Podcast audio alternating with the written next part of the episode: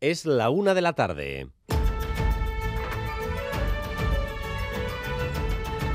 Crónica de Euskadi con Dani Álvarez.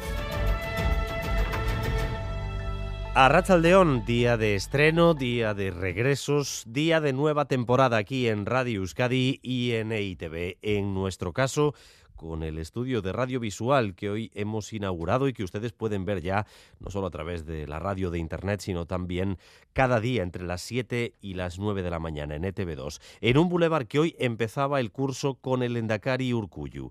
Su propuesta de convención constitucional ha puesto unas nuevas coordenadas en el momento político. En plena negociación para la investidura, Urcuyu ha precisado cómo sería esa convención constitucional y es así como se la imagina.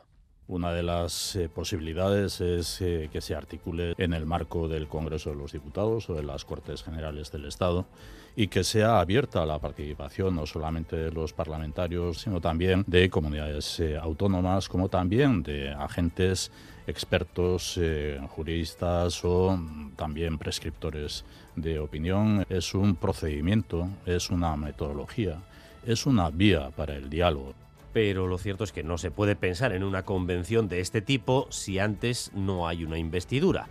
Y aunque aún estamos en el turno de Feijó, la sensación es que todo se está moviendo para que Pedro Sánchez sea investido. Paso clave en ese camino el que Yolanda Díaz ha dado hoy en Bruselas.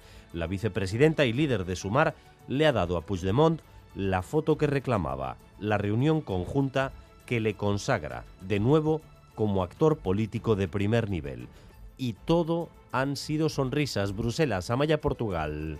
Sí, es la primera vez que un miembro del gobierno español se reúne públicamente con el presidente desde que está en Bélgica, si bien en la convocatoria ambas partes califican a Yolanda Díaz como presidenta de Sumar, no como vicepresidenta en funciones. Sin declaraciones, con rostros relajados, pasadas las 12 del mediodía, han entrado en una de las salas del Parlamento Europeo en Bruselas. Puigdemont acompañado de Tony Comín, Díaz de Jaume Asens, intermediario de Sumar para las negociaciones con Junts. Un encuentro que se celebra sin límite de tiempo y se espera acabe como un comunicado conjunto. La reunión, como decía nuestra compañera Maya Portugal, la ha convocado Yolanda Díaz como líder de Sumar, pero al mismo tiempo el presidente en funciones, Pedro Sánchez, consagraba de forma indirecta esa imagen y reiteraba que esta va a ser la legislatura del reencuentro en Cataluña, de la superación definitiva de las consecuencias del proceso independentista. Llega el momento de ser coherentes y de seguir avanzando en ese propósito por la convivencia.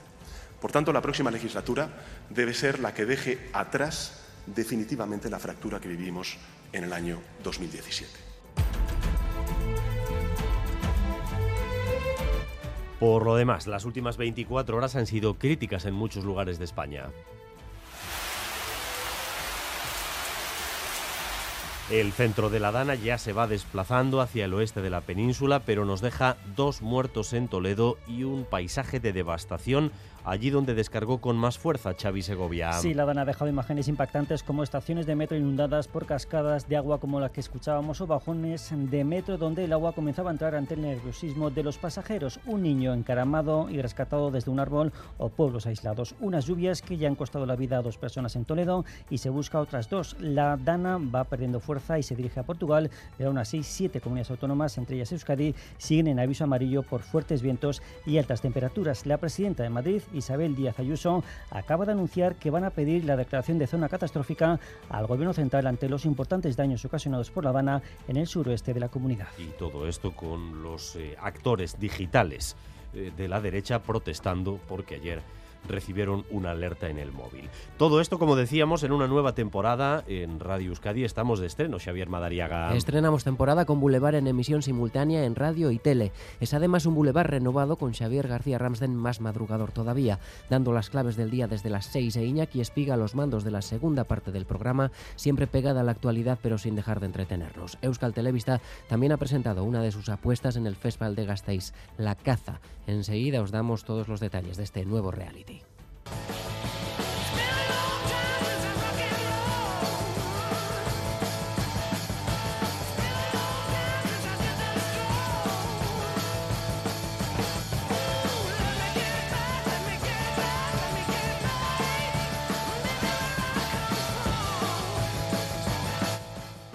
Esto es eh, rock and roll de Led Zeppelin. Cursal Escena presenta la nueva temporada de otoño con 10 propuestas musicales muy variadas. Por ejemplo, en el ámbito de la clásica hay que mencionar el regreso de Jordi Chaval o el concierto que ofrecerá la Orquesta de la Radio de Colonia. Luz Casales, otro de los nombres propios que cantará en el Cursal, donde también actuará Izaro. Pero sin duda destaca la presencia de Robert Plant, fundador y vocalista de Led Zeppelin, que abrirá la programación este mismo 10 de septiembre. Habla Miguel Martín, programador musical. De Led Zeppelin en, un escenario nos queda un músico. Led Zeppelin evidentemente no ha venido nunca a Donosti, ese músico Robert Plant tampoco había estado nunca en Donosti y por fin viene. Han pasado mucho tiempo, lo que vamos a oír no es solamente Led Zeppelin, pero sí podemos garantizar que habrá temas de Led Zeppelin.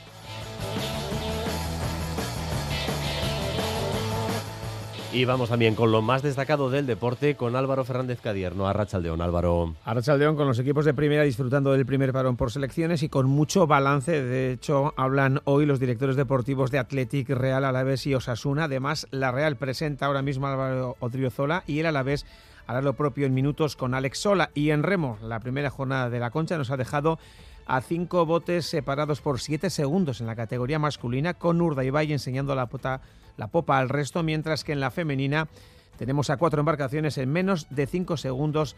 Tolosa Aldea es primera.